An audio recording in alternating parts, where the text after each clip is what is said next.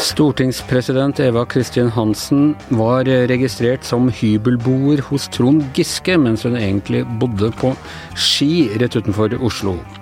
Er krav om fremvisning av koronapass i strid med menneskerettighetene? Og Norge tapte mot Nederland i fotball. Nå kan vi endelig gå helhjertet inn for boikott av Qatar. Dette er Evrøy-gjengen, og det er onsdag den 17. november.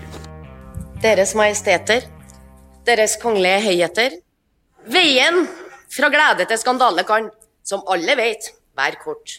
Ja, det var sanne ord fra stortingspresident Eva Kristin Hansen under eh, Slottsmiddagen eh, nå nylig, hvor hun da satt plansert eh, mellom kongen og kronprinsen, som sa hør og bør for det nest høyeste embetet i kongeriket Norge. Lydopptaket det var gjort av NRK.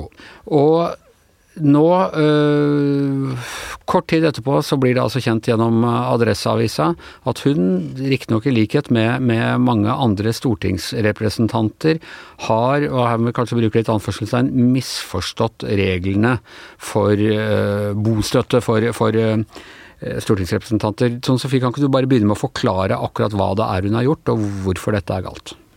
Jo, øh, bare for å begynne med det. For å få pendlerbolig på Stortinget, som er en utrolig viktig ordning for at hele landet skal øh, være representert, så er det øh, ett krav. Det at du er folkerettsregistrert eller reelt sett bosatt mer enn 40 km unna Stortinget. Eva Kristin Hansen har i sju år leid hybel hos uh, sin partikollega Trond Giske i, uh, i Trondheim. Av alle mennesker. Ja, det men, men, det er for så vidt ikke poenget her, for du kan leie av uh, Det, det er ikke noen regler om Nei. dem.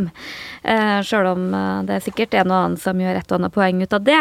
Men, men, det spesielle er at hun i 2014 kjøpte hus sammen med sin mann og gifta seg i Ski, som er, etter hva jeg har lest, 2,9 km mil fra Stortinget. Og da, Ligger i hjertet av Follo, rett ja, utenfor Oslo. Follo, ja. Mm. Og, og, dermed da har uh, vil vi tro, bodd der mye av tida, og det er såpass nært Stortinget at hun ikke har krav på eh, pendlerleilighet, men hun er fortsatt å ha det leieforholdet hos Trond Giske i Trondheim.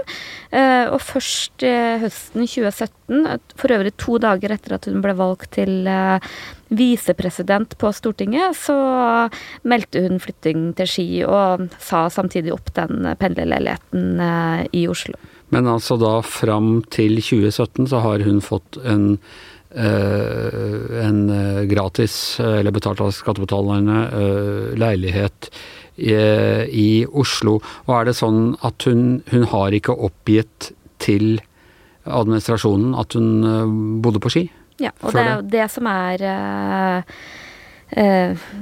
det, det, er jo mange spørsmål her som er ubesvart, men eh, det hun også sjøl eh, sier at hun burde ha gjort, var at hun skulle ha opplyst Stortingets administrasjon om at hun i 2014 kjøpte det huset. Og eh, vi vil jo tro at hun har oppholdt seg mye der hvor hun nå tross alt har vært for det vet vi, ja.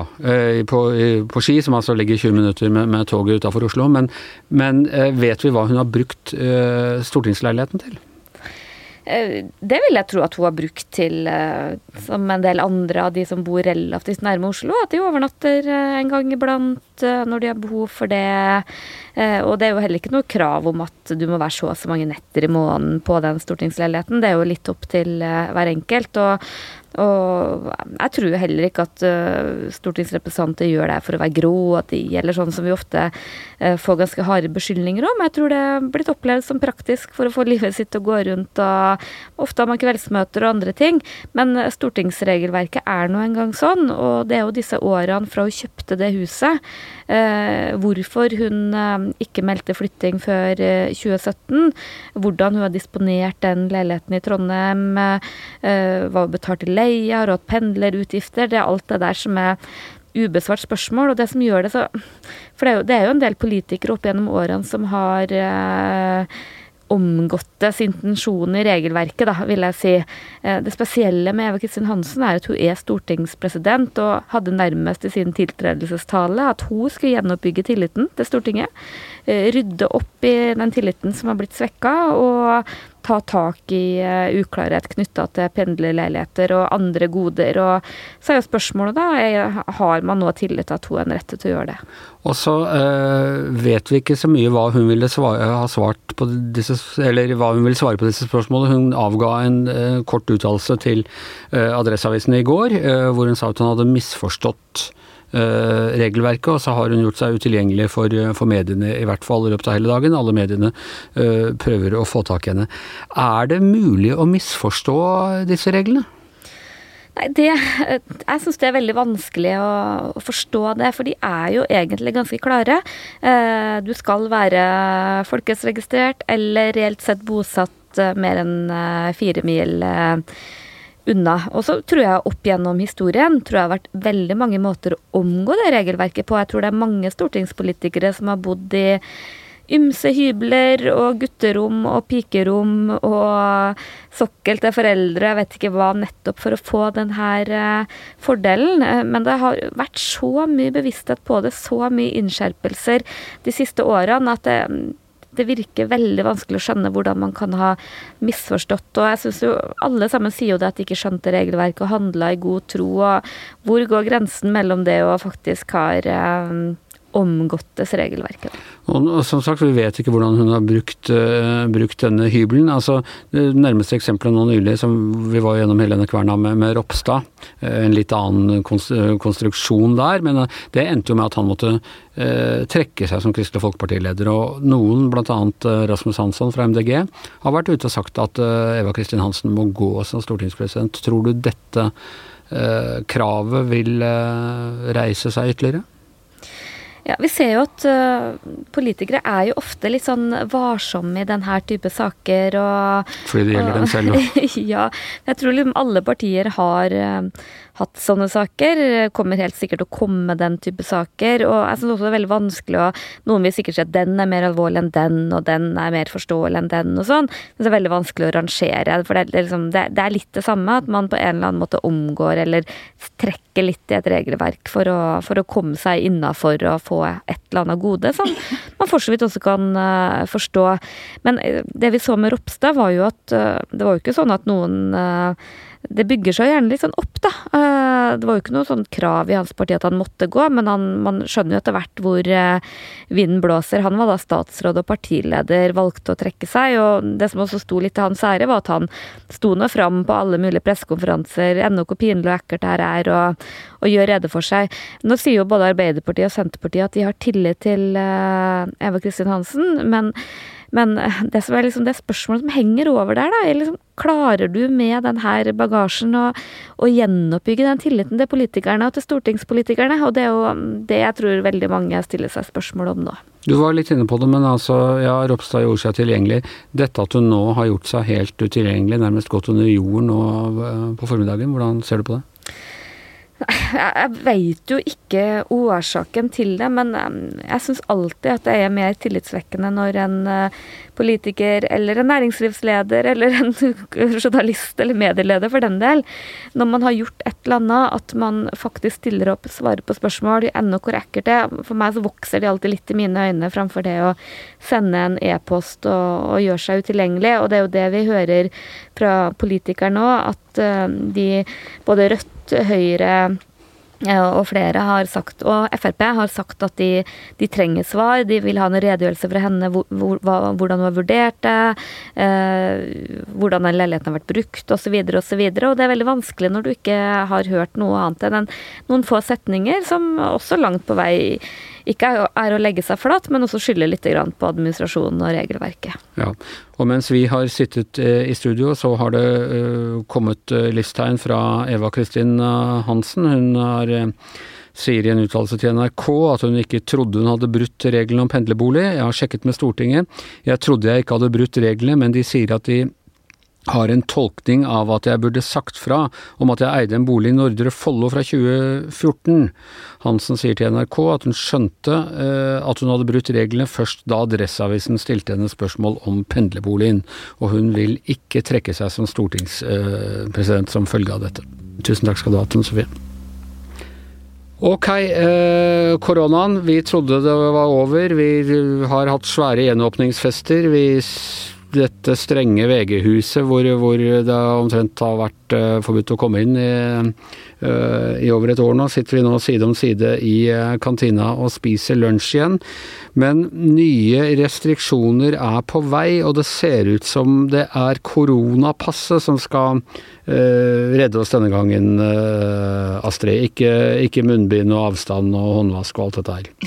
Ja, tror du det, Anders? At du skal gå rundt med sånn pass?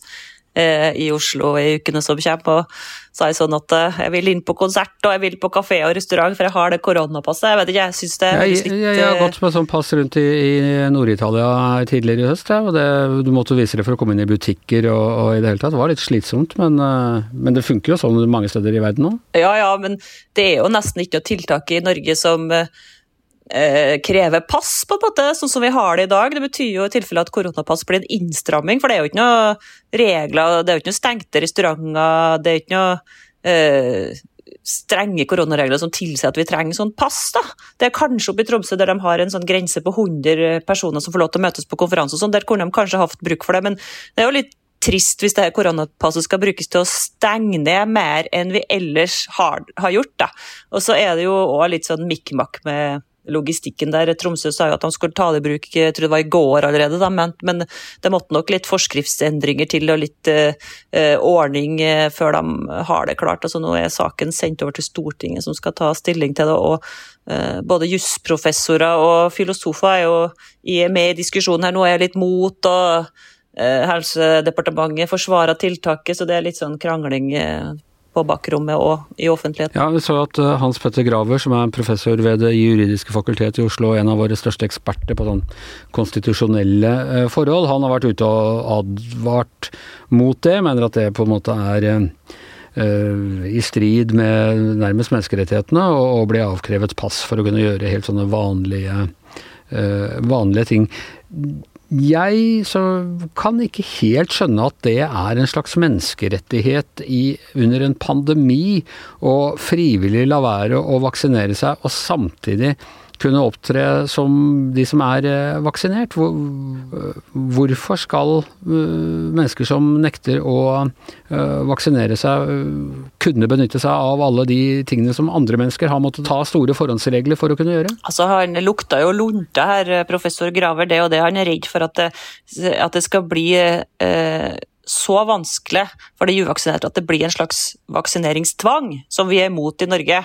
Eh, det jo, har jo sett i andre plasser i Europa at de gjør det vanskelig for de uvaksinerte med å kreve pass, og så krever de at de skal betale testene sine sjøl for å få testa seg inn på plasser, og så blir det mer og mer ubehagelig å ikke være vaksinert, så til slutt så gir folk seg. Så det bl.a. i Frankrike, der ble det jo tvang nærmest da fordi at eh, de innførte pass og, og ja, Det hjelper selvfølgelig på, på, kort sikt for å få flere vaksinert, men det er noe med tilliten til helsemyndighetene som, som kan bli såpass svekka, og de her gruppene som føler seg tvunget, de blir enda mer eh, potensielt radikalisert og marginalisert. da. Um, så det, det, er noen poeng der, og så syns jeg det er et godt poeng at det, det er jo flesteparten som er smitta nå, er jo vaksinert. Men du kan få et sånt uh, hva skal du si, engangspass ved å, ved å teste deg, f.eks.? Ja, Det er det som de legger opp til i Norge, da, heldigvis. Mm. Men er det, er det, altså, hva er forskjellen der på ja, å tvinge folk til å ta en test? Det er brudd med, med folkeretten og, og, i det hele tatt ingen skal tvinges til å ta en test. Altså, det er, Man skal ikke tvinges til noe som helst, da skal man alltid ha fulle rettigheter likevel. Er ikke det en litt sånn rar eh, holdning, det også? Nei, det er som jeg sa, i Norge er greit nok hvis de legger opp til gratis test. Og det gjør de jo. Ja, på Politisk kvarter så sa statssekretæren det. Men det, det, er sånne spørsmål som vi må få avklart. Og så er det jo det der at man kan bruke det passet til å stenge mer enn enn det ellers ville vært stengt ned. Da. For det er jo altså ikke noen strenge koronaregler i Norge nå, så plutselig skal vi begynne å ta pass for å gå på frisøren. Det blir jo en, en innstramming, ikke en åpning, som er liksom eh, intensjonen med det passet. er å kunne ha ting som ellers ville vært stengt åpent, da. Men intensjonen er vel også å kunne komme denne pandemien til livs, og det kan man ikke hvis folk som eh, er smittefarlige får lov til å bevege seg fritt rundt uten at vi vet når og hvor de er.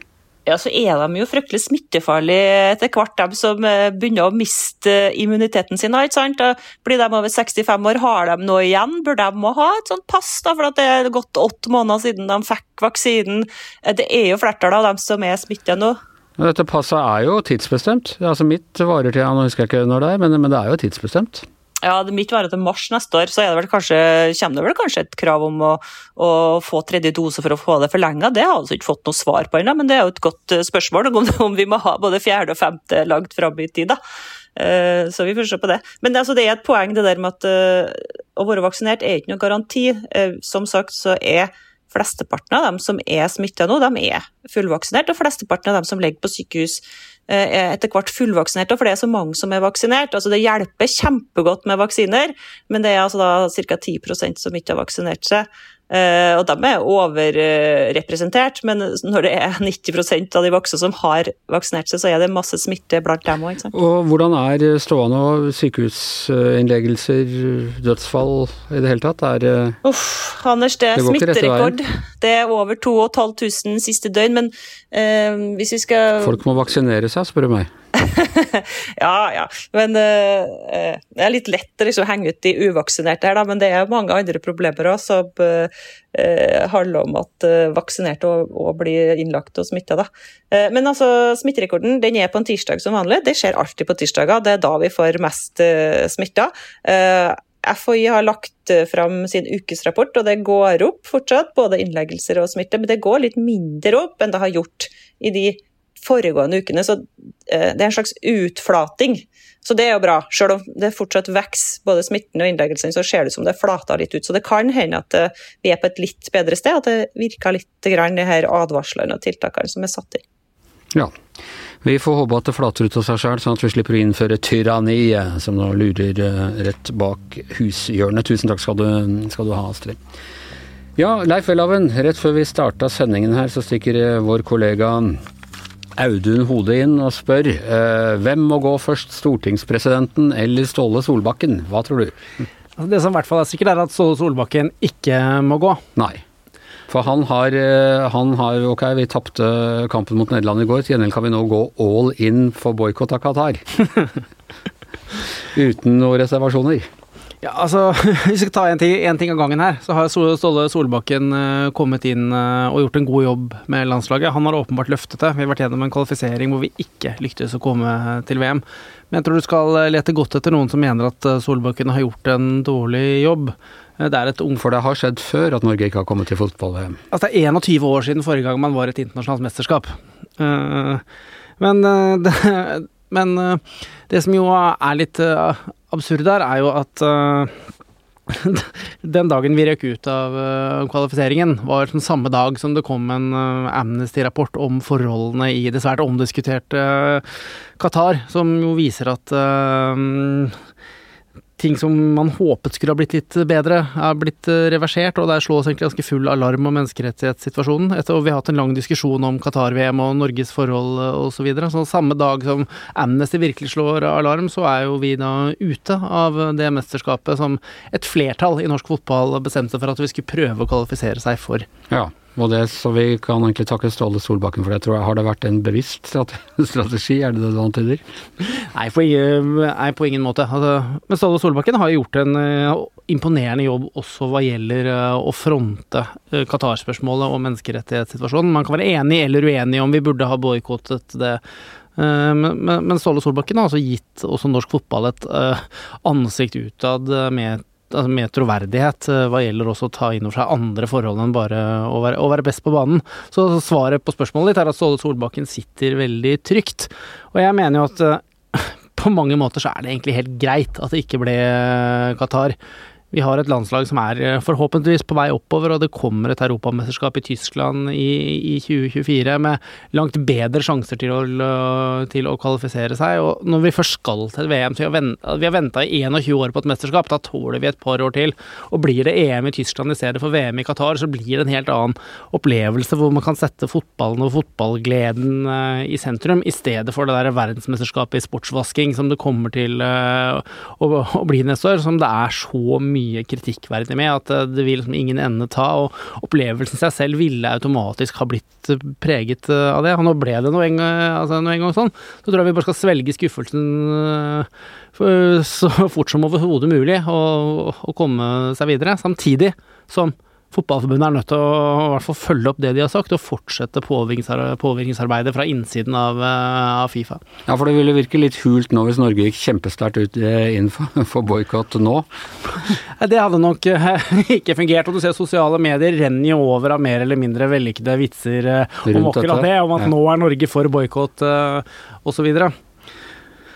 Men, eh, men eh, altså Qatar det kommer til å rulle og gå. Som du sa, Amnesty har vært ute med, med en ny rapport om graverende forhold, ikke minst når det gjelder disse gjestearbeiderne som er inne og, og øh, gjør øh, grovarbeidet. kommer det til å bli snakk om noen type medieboikott av Qatar? At man ikke rapporterer om hva som skjer derfra, eller kommer alle bare til å liksom holde seg for nesa og dekke dette her som et hvilket som helst mesterskap? Det er et godt spørsmål, og det er, og det er vanskelig å si. Jeg tror ikke du får noen medieboikott, men det du får forhåpentligvis får, er at du i hvert fall får store mengder kritisk eh, journalistikk, og at man ikke, ikke slipper tak for det. Og det trenger vi jo. Altså en, en boikott av nyhetsorganisasjoner hadde ikke vært noe egnet virkemiddel. Men det vi trenger, er at vi ser på dette Det er jo et egnet virkemiddel, og det er ingen som gidder å, å arrangere store mesterskap hvis ingen medier rekker det. Ja, men det som jeg tror har noe for seg, er at vi må dekke dette med et kritisk blikk. Vi må utøve journalistikk, og ikke bare ukritisk rapportering. Det som er kritikkverdig, er hvis det blir som litt tilsvarende det vi så i fotball-VM eh, i Russland. Eh, da, som da, Russland som på den tiden sto oppe i den største dopingsaken i moderne historie. Da var det sånn at det var litt kritisk journalistikk fram til det øyeblikket VM var i gang, og så var det business as usual. Der må vi ikke havne. Men mediene har et betydelig samfunnsoppdrag hva gjelder å, å rapportere hvordan altså virkeligheten egentlig er.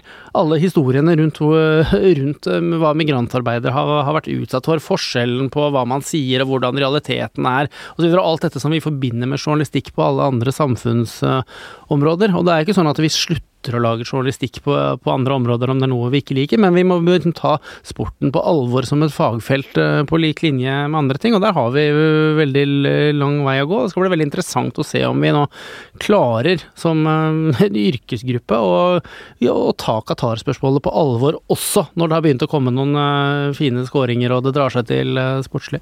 Og så er Qatar også den type land hvor det ikke er så enkelt å drive kritisk journalistikk. Det er jo også lettere i de åpne demokratiene dine? Det er helt riktig, og bare for noen dager siden så har jeg et, altså et norsk magasin er blitt truet med søksmål ved hjelp av, av VM-komiteen, ved hjelp av et uh, norsk advokatfirma. En av deres kilder er blitt arrestert, angivelig fordi det kan ha sammenheng med at han nettopp skulle snakke om ting fra innsiden. Så, så det er veldig, veldig mye som er fryktelig ugreit, og veldig langt unna det man som forbinder med at hva et fotballmesterskap egentlig skal være.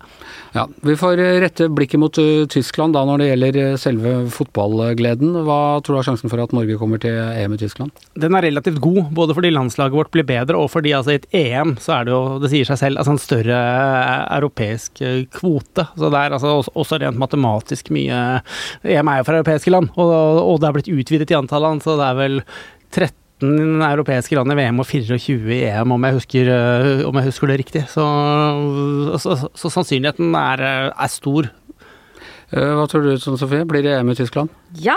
ja. Det er det dårligst kvalifiserte sagt i dag, tror jeg. Ok, ok. Jeg skal unngå å underby deg der med en spådom eh, fra meg, for det hadde blitt den aller dårligste spådommen i, i dette studio. vel, vel.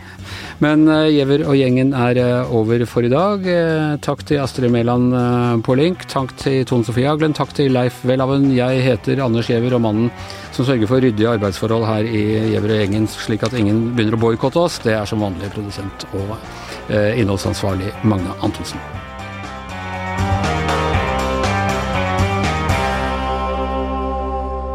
Du har hørt en podkast fra VG.